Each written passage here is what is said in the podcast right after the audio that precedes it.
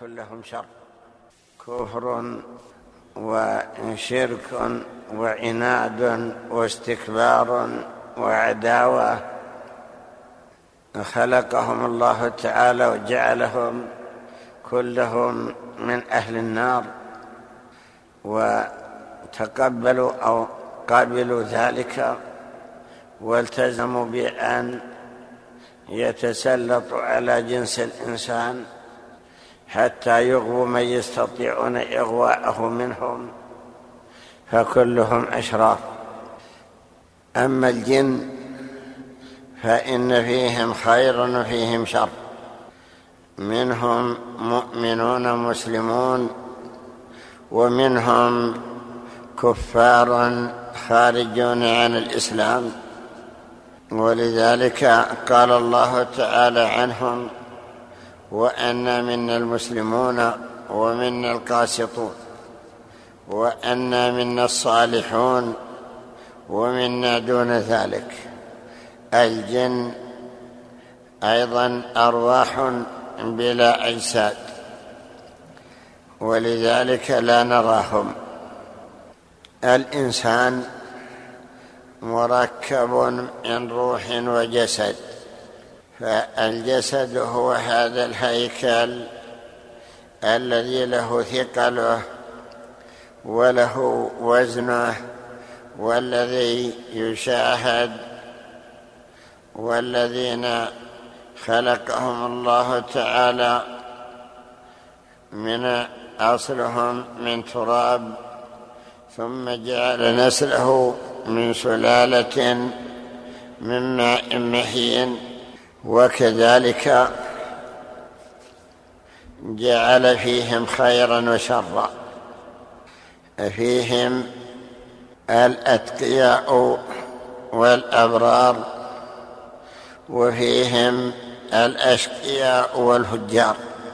وذلك حسب من يوفقه الله تعالى ويهديه أو يخذله ويسلط عليه أعداءه من شياطين الإنس والجن. أفأنت أيها الإنسان مركب من جسد وروح؟ هذه الروح التي يحيا بها هذا الجسد لا نعلم كيفيتها ولكننا نتحقق وجودها. ولذلك متى خرجت الروح بقي الجسد بلا روح. بقي الجسد ميتا هامدا لا حراك به. أين تذهب هذه الروح التي خرجت من هذا الجسد؟ لا نعلم أين تذهب ولكن نتحقق أنها باقية. حتى يردها الله تعالى إلى جسدها إذا شاء وقت إعادة الموتى من القبور بعد تفرق اشلاءهم وبعد أن يصيروا ترابا وعظاما فتبقى هذه الروح إما منعمة وإما معذبة.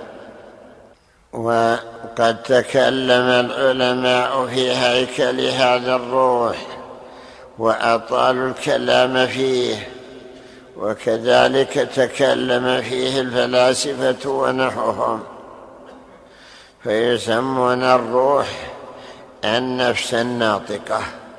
هكذا يتحققون حتى الفلاسفة يتحققون أن هناك أرواح. وأن الجسد ليس هو المستقل وحده بهذه الحياة الدنيا بل لا بد أن يكون هناك ما يحييه وهي هذه الروح. ولقد اختلفوا فيها في كيفيتها وكانت نهايتهم التوقف. مر بنا أن اليهود سألوا النبي صلى الله عليه وسلم عن الروح ما هي الروح؟ ما كيفيتها؟ أنزل الله تعالى ويسألونك عن الروح قل الروح من أمر ربي وما أوتيتم من العلم إلا قليلا. أي كيفية الروح من أمر الله؟ أي خلقت بأمر الله؟ من أمر الله يعني من خلقه يعني مما خلقه بأمره. أي أنها مخلوقة بأمر الله تعالى لقوله إنما أمره إذا أراد شيئا أن يقول له كن فيكون وقد تكلم العلماء اولا على كيفيتها. هل الروح لها وزن؟ هل لها ثقل؟ ما رأوا لها ثقل؟ إذا وزن الإنسان وهو حي ثم وزن بعد موته ما تغير وزنه؟ هذه الروح ما زادت في ثقله ولا زادت في وزنه. كذلك أيضا قد يسلط الله الروح الجنية أرواح الجن على الإنسان. فيتسلط الجني على جسد الإنسان فيلابسه. ويغلب على معنويته.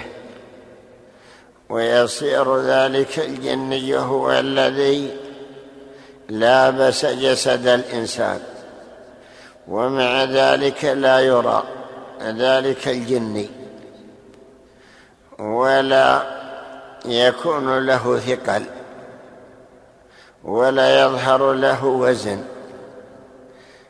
إذا وزن ذلك المصروع الذي لابسه الجن. ثم وزن بعدما يخرج ذلك الجن الجني من جسده ما ظهر تفاوت ولا ظهر له وزن ولا ولا تغير وزنه. ذلك دليل على أن هذه الأرواح خفيفة ولكن لا نعلم كيفيتها. انتهت أقوال العلماء على أن يقولوا الروح من أمر ربي. روح الإنسان التي يحيا بها جسده. وكذلك بقية الأرواح. يعجز فكر الإنسان عن أن يتصورها. لأن البصر يخرقها ولأنها لا لا شيء يشاهدها ولا تحس ولا تمس ظاهرا. لكن الله تعالى أقدر هؤلاء الجن كما أقدر الملائكة على التشكل فلهم قدرة على أن يظهروا بأشكال متفاوتة على أن يتشكلوا بصور متنوعة. فالجني تارة يظهر بصورة كلب وبصورة حمار وبصورة حية وبصورة ذئاب. أو يتصور بصورة إنسان. قد يتصور بصورة شيخ هرم أو بصورة شاب قوي أو بصورة أنثى. يقدر بقدرة الله تعالى على أن يتشكل بأشكال متعددة. ومع ذلك فإن أصله روح بلا جسد. وقد كثر كلام المتكلمين حول هذه الأرواح وأطالوا القول فيها. فهناك من الفلاسفة من يدعون أنها غير مخلوقة وأنها هبطت من المكان من السماء واتصلت بهذه المخلوقات ثم بعد ذلك تفارقها تفارق هذه الأجساد عند الموت. ومن هؤلاء الفلاسفة فيلسوف يقال له ابن سينا وله قصيدة في ذلك مطلعها قوله هبطت إليك من المحل الارفع ورقاء ذات تقلب وتفجع وصلت على كره فلما واصلت ألفت مرافقة الخراب البلقع يشبه الروح بأنها ورقة نوع من الطير. وأنها جاءت على كره إلى هذا المخلوق وبعد ذلك ألفته وهذا يخالف قول الله تعالى الله خالق كل شيء فإن الأرواح من جملة الأشياء فهي مخلوقة ويخالف قول الله تعالى في الجن. ولقد خلقنا الإنسان من سلالة من طين. لقد خلقنا الإنسان من صلصال من حماء مسنون والجان خلقناه من قبل من نار السموم. فأخبر بأنه خلق الجان من نار السموم. وكذلك أخبر عن إبليس بقوله خلقتني من نار. وخلقته من طين. أخبر بأن إبليس خلق من النار من نار السموم. ورد أن النبي صلى الله عليه وسلم أخبر بأن الملائكة خلقت من النور. في قوله خلقت الملائكة من نور وخلق الجان من مارج من نار وخلق آدم مما وصف لكم. فدل على أن الجن والشياطين والملائكة مخلوقون مع أنهم أرواح. فكذلك يقال في أرواح الإنسان في روح الإنسان أيضا أنها من جملة المخلوقات.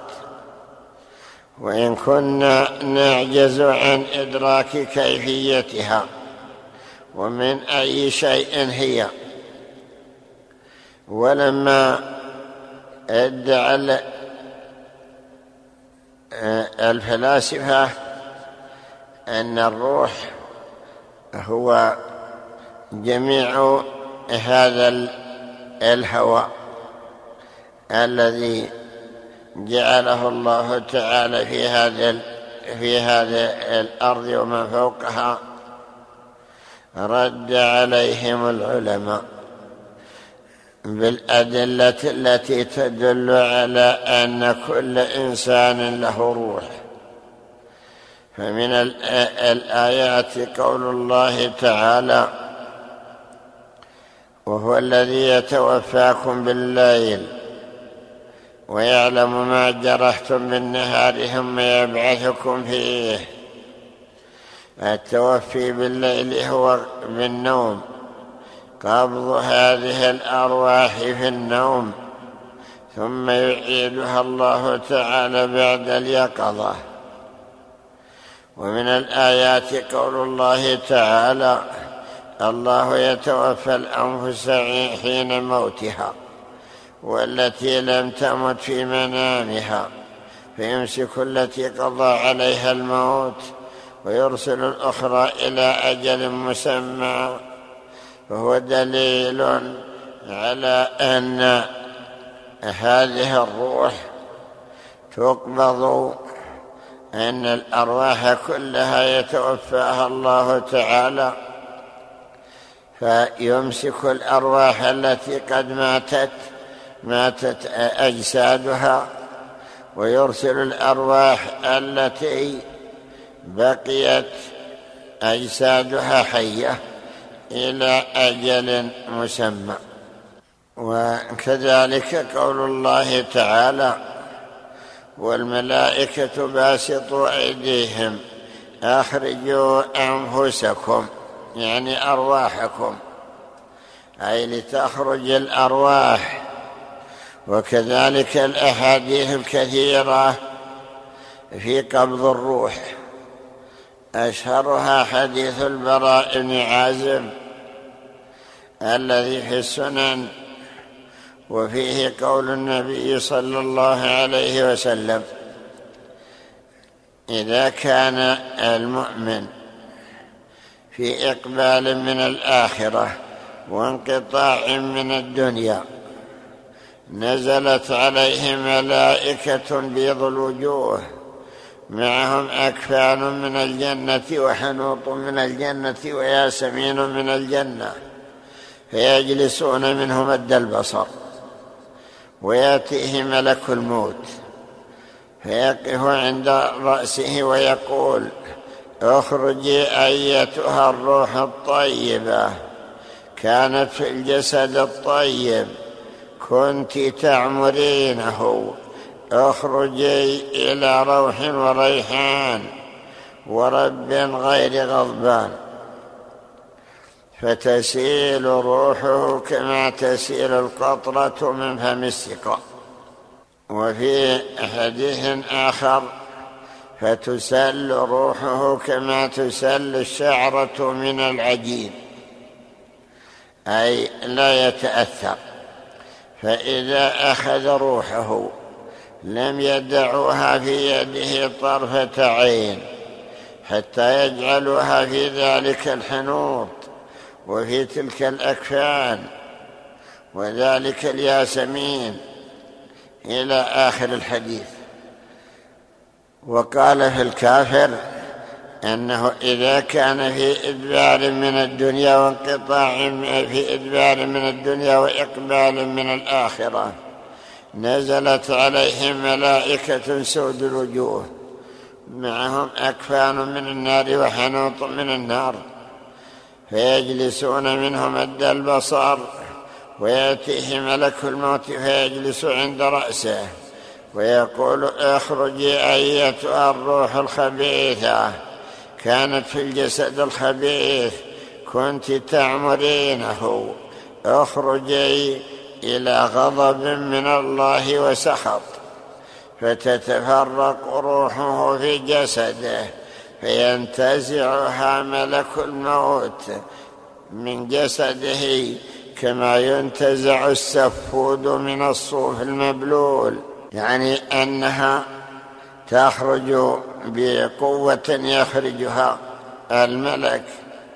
فتقطع العروق وتقطع اللحم ويلقى شده إلى آخره.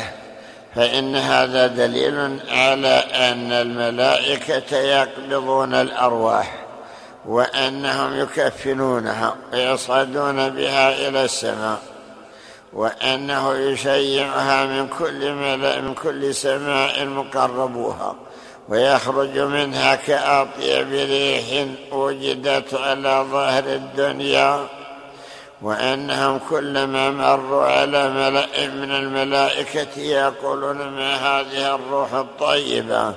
فيقولون فلان ابن فلان بأحسن أسمائه في الدنيا وذكر ضد ذلك في الكافر. فهذا دليل على أن الروح تقبض. وأنها تصعد إلى السماء وأن الملائكة يكفنونها ويحنطونها. وفي الحديث أنه قال ردوا روح عبدي إلى الأرض فإني منها خلقتهم وفيها أعيدهم ومنها أخرجهم تارة أخرى. وأخبر بأن روحه تعاد في جسده إلى آخره يعني تتصل به. ذكر العلماء أن للروح بالجسد خمس اتصالات.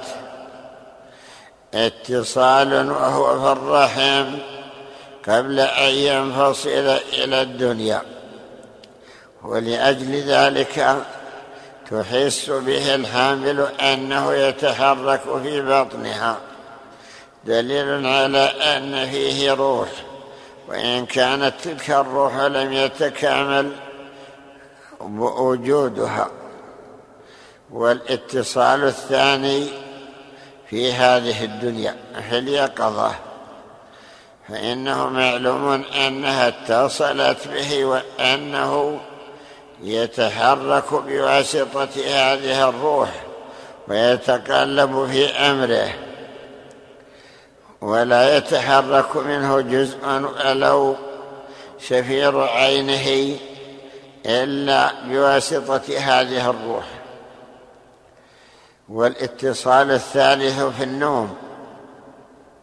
معلوم أيضا أنه حي وهو نائم. ولأجل ذلك يستيقظ إذا أوقظ ويشاهد أنه يتقلب مع أنه نائم ومع أن روحه خرجت لكن ليس خروجا كليا. أما الاتصال الثالث الرابع فهو الاتصال في القبر. لا بد أن روحه تتصل بجسده كما يشاء الله. ولو أن جسده أصبح ترابا. فإن الله قادر على أن يوصل إليه شيئا من الحياة بهذه الروح. أما الاتصال الخامس وهو الاتصال في الآخرة. عندما يبعث حيا وذلك هو أتم الاتصالات بحيث لا يعتريه بعدها نوم ولا موت ولا خمول ولا ألم ويكون اتصالا كليا. ومعلوم أن الأحكام تتفاوت. بهذه الاتصالات. فالأحكام في الدنيا على الأبدان ولكن الأجساء الأرواح تابعة لها. ولذلك العقوبات تكون على البدن فالجلد للزاني أو الشارب أو القاذف على البدن. وكذلك القتل قصاصا على البدن. وكذلك أيضا قطع اليد في السرقة على البدن. والقصاص في الأطراف على الأبدان. أما الأحكام في البرزخ فإنها على الأرواح. ولكن الأجساد تابعة لها. ولو قد باليات وفانيات فالأحكام على الأرواح. الروح هو الذي ينعم ويعذب ويصعد وينزل ويسأل ويجيب في البرزخ. فالأحكام على الأبدان في الدنيا والأرواح تابعة لها. وعلى الأرواح في البرزخ والأبدان تابعة لها.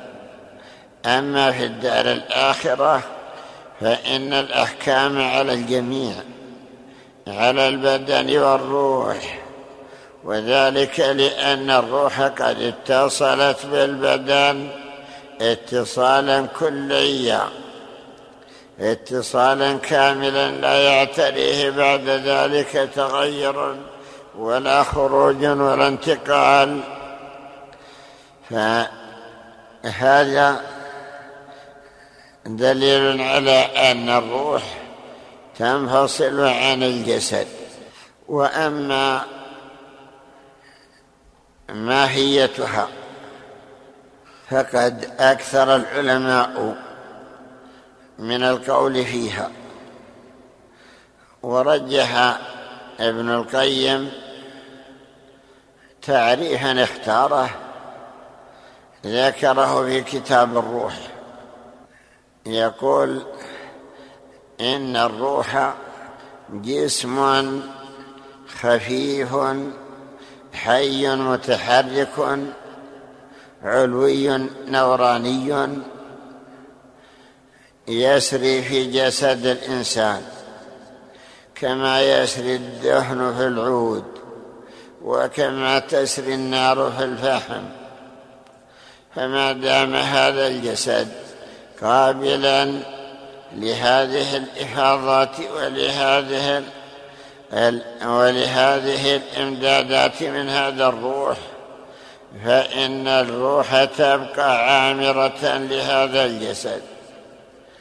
فإذا خرب ذلك الجسد ولم يبقى محلا لهذه الروح ولا قابلا للإفاضات منها ولا للحركات أذن الله تعالى بخروج هذه الروح من هذا الجسد فبقي هامدا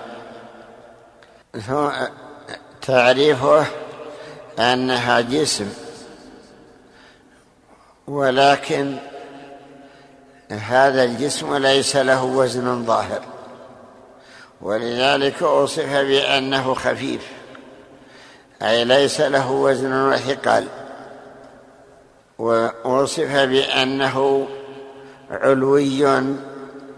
يعني أنه في الأصل من أنه من الأرواح العلوية وأنه نوراني. يخرقه البصر. يعني من المخلوقات التي هي نورانية في الأصل. ووصف بأنه حي. يعني لا بد فيه من حركة. متحرك. يتحرك كما خلقه الله. ولا شك أن هذا دليل على أنه مخلوق. سريانه في الجسد يعني نفوذه في جسد الإنسان. ثم خروجه منه إذا أذن الله تعالى بخروجه إما مؤقتا وإما خروجا كليا ينفذ في جسد الإنسان. وقد أخبر النبي صلى الله عليه وسلم بأن الشيطان يجري من ابن آدم مجرى الدم. الشيطان مخلوق وهو أيضا روح الشياطين أرواح. ليس لها أجساد تقوم بها. يتسلط على الإنسان. فينفذ في جسده. في جسده كله ولكنه لا يحس به. يسري كما يجري في جسده كما يجري الدم في العروق وفي اللحم. يجري من ابن آدم مجرى الدم. وصفه الله تعالى بأنه الوسواس الخناس الذي يوسوس في صدور الناس. يصل إلى القلب ويلقي في القلب هذه الخطرات وهذه الأوهام والوساوس. دليل على أنه روح خفيفة تنفذ في جسد الإنسان ولكنه لا يحس به. إذا استعاذ بالله من الشيطان انخنس منه وانفصل عنه وقد يبتعد عنه. وقد أخبر النبي صلى الله عليه وسلم بأن الملائكة يكتبون أعمال بني آدم. وأن على اليمين ملك الحسنات وعلى الشمال ملك السيئات مع أن الإنسان لا يحس بها لا يحس بهذين الملكين. يكتبان كما قال تعالى عن اليمين وعن الشمال قعيد ما يلفظ من قول إلا لديه رقيب عتيد. الرقيب والعتيد هما هذان الملكان ولا يحس بهما. نصدق بأنهما موجودان مع كل إنسان ملكان ولا نحس بهما. كذلك أيضا نصدق بأن الجني قد يسلطه الله على جسد الانسي فينفذ في جسد الانسي والغالب أن الذكر ينفذ في جسد الأنثى من الإنس. وأن الأنثى من الإنس تتسلط على على الذكر من الرجال من الإنس. ومع ذلك لا لا نرى لها رايا ظاهرا ولكن نتحقق ذلك. ولأجل ذلك إذا ضرب هذا المصروع لا يحس بالضرب إنما يقع الضرب على ذلك الجني الألم يحس به ذلك الجني ولذلك يصيح ويتكلم ويستعيذ ويعاهد حتى يخرج وبعد خروجه يسأل ذلك الإنسي هل أنت قلت كذا؟ فيقول لا. لا يتذكر أنه قال كذا ولا يحس بأنه ضرب. لا شك أن هذا دليل على أن هذه الروح تسلطت على هذا الجسد مع أننا نعرف أن الإنسان مركب من جسد وروح ولكن غلبت روح ذلك الجني على روح الانسي فصارت لها النفوذ. وبذلك نعرف قدرة الله تعالى. كيف خلق هذه الأرواح ونحن لا نراها؟ عظمة الله تعالى. كيف خلق هؤلاء؟ مع كثرتهم. ومع ذلك لا يرون. فسر قول الله تعالى تنزل الملائكة والروح فيها بإذن ربهم. أن الروح هي أرواح بني آدم التي رفعت إلى السماء وأنها تنزل في ليلة القدر. وإن كان فسر بأن الروح جنس من الملائكة. وكذلك قول الله تعالى يوم يقوم الروح والملائكة صفا. فسر الروح بأنه جنس من الملائكة. وفسر بأنه أرواح الشياطين وأرواح الجن أو أنه أرواح بني آدم قبل إعادتها إلى أجسادها. والحاصل أن هذا ونحوه دليل على عظمة الخالق حيث خلق هذه الأرواح بهذا الشكل الذي لم يدركه الإنسان. في هذه الأزمنة حدث من ينكر هذه الأرواح. يقولون ليس في الإنسان روح إنما روحه هذا النفس الذي يجتذبه هو وسيلة الحياة. ولا شك أن هذا إنكار للحقائق. كذلك أيضا زادوا حتى أنكروا وجود الجن. وقالوا ليس هناك من يسمى جن. لو كانوا موجودين لرأيناهم بالمجهر. وظنوا أنهم من جنس الأجساد. وهذا قصور فهم. وذلك لأنكم أنتم عالم وهم عالم. وقد حجبهم الله تعالى عن أنظارنا. فقال تعالى يا بني آدم لا يفتننكم الشيطان كما أخرج أبويكم من الجنة. ينزع عنهما لباسهما ليريهما سوآتهما. إنه يراكم. هو وقبيله من حيث لا ترونهم. أي أنه يراكم وأنتم لا ترونهم. وذلك لأن الله عجبهم عن جنس الإنسان.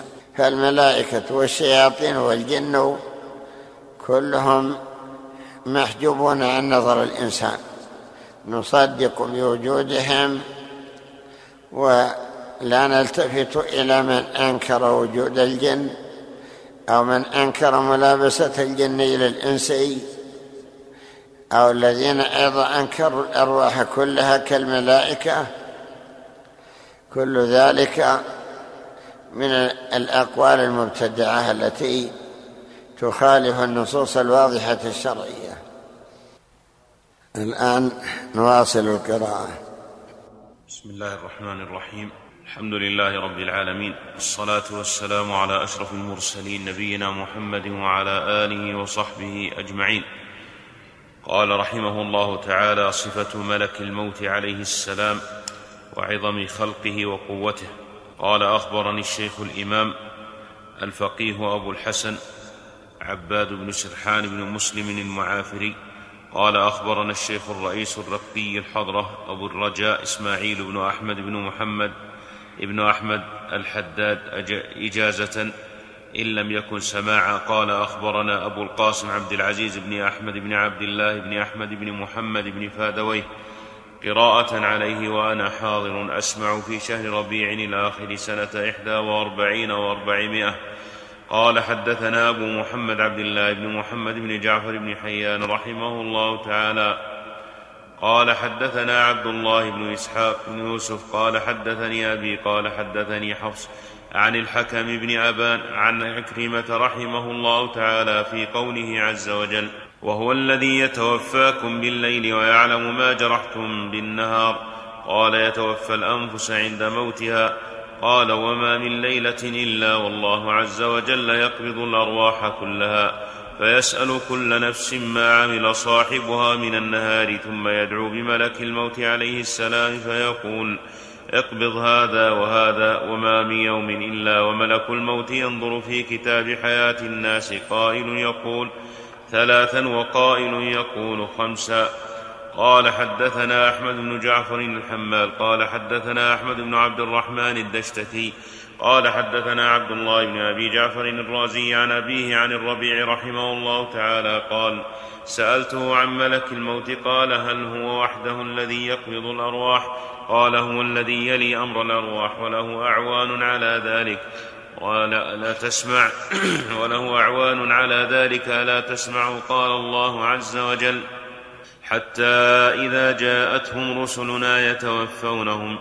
وقوله تعالى توفته رسلنا وهم لا يفرطون غير أن ملك الموت عليه السلام هو الرئيس وكل خطوة منه من المشرق إلى المغرب.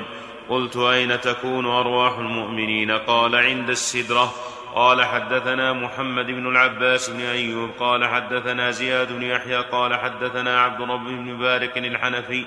قال حدثني خالي زميل بن سماك الحنفي أنه سمع أباه يحدث ولقي عبد الله بن عباس رضي الله عنهما في المدينة بعدما كف بصره. قال قلت هي يا ابن عباس ما تقول في أمر غمني واهتممت به؟ قال قلت نفسان اتفق موتهما في طرفة عين واحد في المشرق وواحد في المغرب كيف قدر عليهما ملك الموت؟ قال والذي نفسي بيدي ما قدرة ملك الموت على أهل المشارق والمغارب والظلمات والنور والبحور إلا كقدرة الرجل على مائدته يتناول من أيها شاء. قال حدثنا محمد بن شعيب قال حدثنا أحمد بن أبي سريج قال حدثنا عبد الله بن الجهم قال حدثنا عمرو بن أبي القيس عن بشير بن عاصم عن أبي وأبي عن ابن أبي ليلى عن القاسم بن أبي بزة عن مجاهد رحمه الله تعالى في قول الله تعالى قل يتوفاكم ملك الموت الذي وكل بكم قال حويت قال حويت الأرض حويت له الأرض فجعلت له مثل الطست يتناول منها حيث شاء قال حدثنا أبو يحيى الرازي قال حدثنا هناد قال حدثنا قبيصة قال حدثنا سفيان عن رجل عن مجاهد رحمه الله تعالى قال جعلت الأرض لملك الموت عليه السلام برها وبحرها وجبلها وسهلها كالطست يأخذ منها حيث يشاء. قال حدثنا أبو يحيى قال حدثنا هناد قال حدثنا أبو زبيد أبو زبيد. قال حدث قال عن عن حسين قال قال الربيع بن خيثم رحمه الله تعالى عجبت لملك الموت ولثلاثة لملك ممنع في حصونه ياتيه ملك الموت ينزع نف... لملك ممنع في حصونه ياتيه ملك الموت ينزع نفسه ويدع ملكه خلفه. ولمسكين منبوذ بالطريق يقدره الناس أن يدنو منه ولا يقدره ملك الموت. أن يأتيه فينزع نفسه ولطبيب نحرير يأتيه ملك الموت فينزع نفسه ويدع طبه خلفه. قال حدثنا أحمد بن روح قال حدثنا عمر بن محمد الحكم قال حدثنا عبد الرحمن بن حيان المصري قال قيل للفضيل بن عياض رحمه الله تعالى يا أبا علي ما بال الميت تنزع نفسه وهو ساكت وابن آدم يضطرب من القرصة قال إن الملائكة توثقه ثم قرا توفته رسلنا وهم لا يفرطون. قال حدثنا إبراهيم بن علي قال حدثنا الخليل بن محمد قال حدثنا روح بن, عب بن عبادة قال حدثنا عبد المؤمن بن أبي شراعة قال سمعت جابر بن زيد رحمه الله تعالى يقول إن ملك الموت عليه السلام كان يتوفى بني آدم بغير أوجاع وإن الناس سبوا ملك الموت وآذوه فاشتكى إلى ربه ما يلقى من الناس فقيل له يا ملك الموت ارجع. قال وضع الله عز وجل الأوجاع فنسي ملك الموت عليه السلام. ويقال لم مات فلان؟ قال حدثنا علي قال حدثنا علي بن رستم قال حدثنا عبد الله بن عمر قال حدثنا ابن سنان قال حدثنا عبد الله بن مبارك عن حيوة بن شريح قال أخبرني أبو صخرة عن محمد بن كعب القرظي رحمه الله تعالى قال إذا استنطعت نفس المؤمن جاءه الملك الموت جاءه ملك الموت عليه السلام فقال أفعل فقال السلام عليك يا ولي الله الله يقرأ عليك السلام ثم نزع بهذه الآية الذين تتوفاهم الملائكة طيبين يقولون سلام عليكم ادخلوا الجنة. قال حدثنا عبد الله بن سلم قال حدثنا محمد بن أحمد الحسني عن محمد بن إبراهيم العلاء. قال حدثنا إسماعيل بن عبد الكريم قال حدثني عبد الصمد عن وهب بن منبه رحمه الله تعالى ثم قال كن فكون عزرائيل عليه السلام ثم قال كن فكون كبشا أملح مستترا بسواد وبياض له أربعة أجنحة جناح تحت العرش وجناح في ثرى الثرى وجناح في المشرق وجناح في مغرب المغرب له في كل جناح سبعون ألف جناح وفي كل جناح سبعون ألف ريشة في كل ريشة سبعون ألف شعبة في كل شعبة سبعون ألف زغبة وسبعون ألف شعرة في كل شعرة سبعون ألف كأس لأحباء الله عز وجل وسبعون ألف كأس لعدو الله عز وجل فذلك قوله عز وجل فأما إن كان من المقربين فروح وريحان وجنة نعيم. وأما إن كان من أصحاب اليمين فسلام لك من أصحاب اليمين وأما إن كان من المكذبين الضالين فنزل من حميم وتصلية جحيم وهو عدو الله. ثم قال للموت ابرز فبرز الموت لعزرائيل فذلك قول, قول الله عز وجل قل يتوفاكم ملك الموت الذي وكل بكم فهؤلاء الأربعة الأملاك جبريل وميكائيل وإسرافيل وملك الموت عليهم السلام. أول من خلقهم الله عز وجل من الخلق وآخر من يميتهم الله وأول من يحييهم. وهم المدبرات أمرا والمقسمات أمرا قال حدثنا عبد الله بن محمد بن عبد الكريم قال حدثنا حمدون بن عباد قال حدثنا علي بن عاصم قال حدثنا داود بن أبي هند رحمه الله تعالى قال بلغني أنه كان لداود صديق من بني إسرائيل فكان داود عليه السلام معجبا به فكان مجلسه وحديثه للرجل حتى غبطه بني إسرائيل, بنو إسرائيل. قال فلما مات داود عليه السلام ولي سليمان عليهما السلام قال له قال في نفسه من اصطنع من بني إسرائيل في مجلسي وحديثي؟ قال ما أعلم أحدا أحق بذلك من هذا الشيخ. أن يناجي أن يناجي الذي توفى رسول الله صلى الله عليه توفى رسول الله داود صلى الله على نبينا وعليه وسلم وهو عنه راضٍ. قال فاتخذه لنفسه قال وكان سليمان عليه السلام مهيبا لا يبتدأ بشيء حتى يكون هو الذي يسأله هو الذي يسأله عنه. قال فأدنى مجلس الشيخ حتى كان هو الذي يلي سريره. فربما قعد سليمان عليه السلام على سريره قال فيسند الشيخ ظهره إلى سرير سليمان عليه السلام. قال حتى غبطه جنود سليمان عليه السلام فقيل له ادخل. أدخل عليه كل يوم دخلة يسأل عن أدخل عليه كل يوم دخلة يسأل عن حاجته ثم لا يبرح حتى يقضيها له. قال وكان سليمان عليه السلام إذا قعد على سريره وأذن لجنوده فدخلوا عليه دخل عليه ملك الموت صلى الله على نبينا وعليه وسلم عليه ما في صورة رجل فيسأله كيف هو ثم يقول له يا رسول الله ألك حاجة؟ فقال فإن قال نعم لم يبرح حتى يقضيها له. وإن قال لا انصرف عنه إلى الغد قال فقعد سليمان عليه السلام يوما أشد ما كان بملكه. قال وقعد الشيخ إليه فأسند ظهره إلى سرير سليمان واذن لجنوده فدخلوا عليه من فدخلوا عليه من الإنس والجن وسواهم. فجعلوا ينظرون إلى الشيخ مسندا ظهره إلى سرير سليمان فيغبطونه فدخل عليه ملك الموت عليه السلام في صورة رجل فقام فسلم فقال سليمان عليه السلام كيف بات في ليلته الماضية؟ ثم قال ألك حاجة؟ يا لك حاجة يا رسول الله.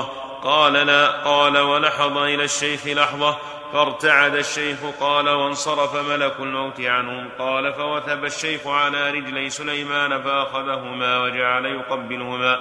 فقال يا رسول الله كيف كان رضا رسول الله صلى الله عليه وسلم داود عني؟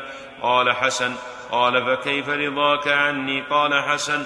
قال فإني أسألك بحق الله أن تأمر الريح فتحملني فتقذفني بأقصى مدرة من أرض الهند.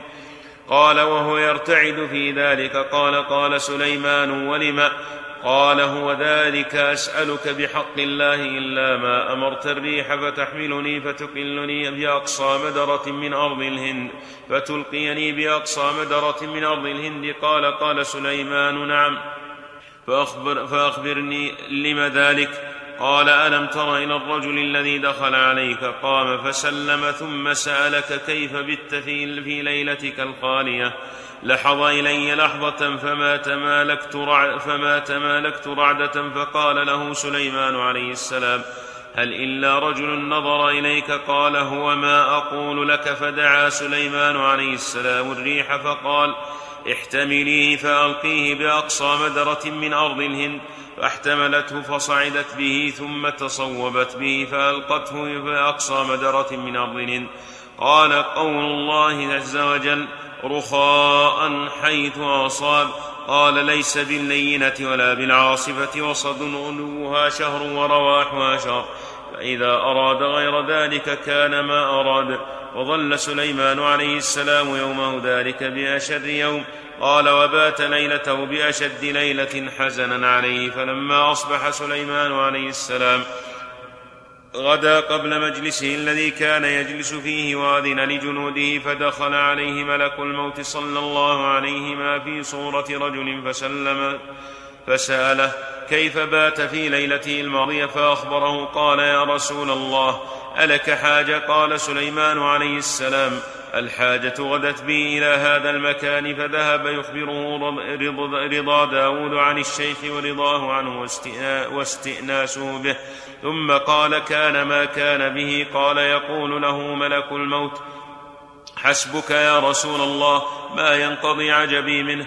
هبط إلي كتابه أمس أن أقبض روحه غدا مع طلوع الفجر بأقصى مدرة بارض الهند فهبطت به وما أحسبه إلا ثم فدخلت عليك فإذا هو قاعد معك فجعلت أتعب وأتعب وأنظر إليه ما لي هم غيره فهبطت عليه اليوم والذي بعثك بالحق مع طلوع الفجر. فوجدته بأقصى مدرة من أرض الهند ينتفض فقبضت روحه وتركت جسده هناك. قال حدثنا أحمد بن عمر قال حدثنا عبد الله بن عبيد قال حدثنا محمد بن الحسين قال حدثنا داود بن محبر قال حدثنا الحسن بن دينار قال سمعت الحسن رحمه الله تعالى يقول ما من ما من يوم إلا وملك الموت عليه السلام يتصفح في كل بيت ثلاث مرات فمن وجده منهم قد استوفى رزقه وانقضى أجله قبض روحه فإذا قبض روحه أقبل أهله برنة وبكاء فيأخذ ملك الموت بعضادتي الباب فيقول ما لي إليكم من ذنب وإني لمأمور والله ما أكلت له رزقا ولا أفنيت له عمرا ولا انتقصت له أجلا وإن لي فيكم لعودة ثم عودة حتى لا أبقي منكم أحدا. قال أخبرنا أبو يعلى قال حدثنا أبو الربيع الزهراني قال حدثنا أبو يوسف القاضي قال حدثنا مطرف عن جعفر. عن سعيد بن جبير عن ابن عباس رضي الله عنهما في قول الله عز وجل الله يتوفى الأنفس حين موتها قال يلتقي تلتقي أرواح الأحياء وأرواح الأموات في المنام فيتعارفون ويتساءلون ثم ترد أرواح الأحياء إلى اجسادها لا تخطئ بشيء منها وذلك قول الله عز وجل إن في ذلك لآيات لقوم يتفكرون قال حدثنا أحمد بن محمد بن عمر قال حدثنا عبد الله بن محمد بن عبيد قال حدثنا داود بن رشيد قال حدثنا حكام. عن عنبسة عن أشعث قال سأل إبراهيم صلى الله على نبينا وعليه وسلم تسليما ملك الموت عليه السلام اسمه إزرائيل وله عينان. عين في وجهه وعين في قفاه. فقال يا ملك الموت ما تصنع إذا كانت نفس بالمشرق ونفس بالمغرب؟ ووقع الوباء بأرض والتقى الزحفان كيف تصنع؟ قال أدعو الأرواح بإذن الله عز وجل فتكون بين أصبعياتين. قال ودحيت له الأرض فتركت مثل الطست يتناول منها حيث شاء. قال وهو الذي بشره الله وهو الذي بشره بأنه خليل الله عز وجل. قال حدثنا أحمد بن محمد. قال حدثنا عبد الله. قال حدثنا داود بن عمرو الضبي. قال حدثنا معتمر عن أبيه عن شهر بن حوشب رحمه الله تعالى. قال ملك الموت صلى الله عليه وسلم جالس والدنيا بين ركبتيه واللوح الذي فيه آجال بني آدم في يديه وبين يديه ملائكة قيام وهو يعرض اللوح لا يطرف فإذا أتى على أجل أجل عبد قال اقبضوا هذا اقبضوا هذا. قال حدثنا أحمد بن محمد بن محمد قال حدثنا عبد الله عن موسى بن داود عن أبي معشر عن زيد بن أسلم رحمه الله تعالى قال يتصفح ملك الموت عليه السلام المنازل في كل يوم خمس مرات. ويطلع في وجه ابن آدم كل يوم اطلاعه. قال فمنها الرعدة التي تصيب الناس يعني القشعريره والانقباض. قال حدثنا أحمد. قال حدثنا عبد الله. قال حدثني محمد بن الحسين. قال حدثنا محمد بن يزيد بن خنيس. قال سمعت ابن جرير ابن جرير رحمه الله تعالى. ابن جريج رحمه الله تعالى يقول بلغنا أنه يقال لملك الموت عليه السلام. اقبض فلانا في وقت كذا في وقت كذا في بلد كذا في يوم كذا فيجيء الموت أسرع من اللمح هكذا وردت هذه الصفات في أحد الملائكة وهو ملك الموت. ذكره الله تعالى في قوله قل يتوفاكم ملك الموت. الذي وكل بكم. والتوفي القبض. أخبر بأن ملك الموت يقبض الأرواح كما يشاء الله. يقبض أرواح البشر. وأن جميع الخلق الذين هم من البشر كلهم تحت قبضته. يعني تحت قدرته في أنه يقدر أن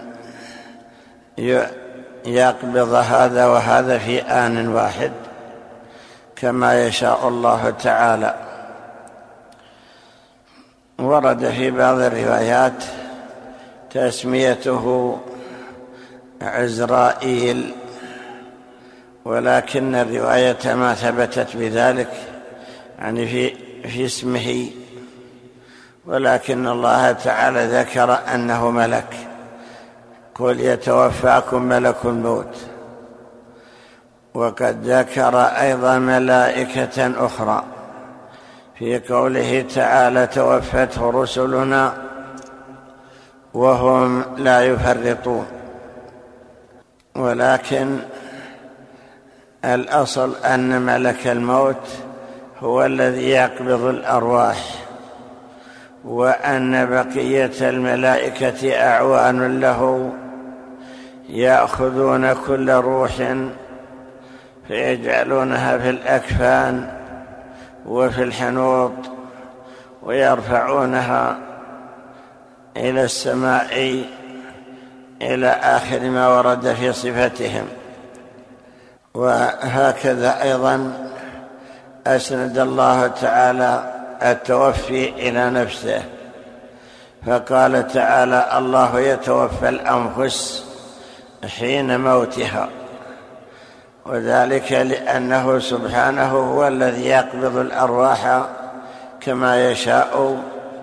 وقد وكل هذا الملك يقبضها بأمره. فالمتوفي حقيقة والذي يقبض الأرواح هو الرب تعالى لأنه الذي خلقها وهو الذي يقبضها إذا شاء. وإنما الملائكة موكلون بأمر الله تعالى يتصرفون كما يشاء. وإن ملك الموت هو الذي يتولى قبضها. وقد سمعنا في هذه الآثار أن الأرض زويت لملك الموت بمعنى أنها قرب أقصاها له كما قرب أدناها. الخلق العدد الكثير في آن واحد ولا يصعب ذلك عليه. حيث أن الله قرب له البعيد وجعله كله تحت قدرته في أقصى الأرض أو في أدناها. إذا قدر موت اثنين أحدهما في المشرق والآخر في المغرب بينهما مسافات عظيمة تقبض روحهما في لحظة. في دقيقة واحدة. بل قد يقبض في الثانية ألوف أو عشرات الألوف في أطراف الأرض في لحظة واحدة. فيستغرب كيف ملك واحد يقبض هؤلاء كلهم في لحظة واحدة؟ والجواب أن الله تعالى أعطاه قدرة على ذلك وأنه قرب له البعيد. مثلت الأرض كلها أمامه كالقصعة فيها الطعام أمام الآكل يأكل من أي أطرافها شاء. فكذلك هذا الملك بأمر الله تعالى. والله أعلم.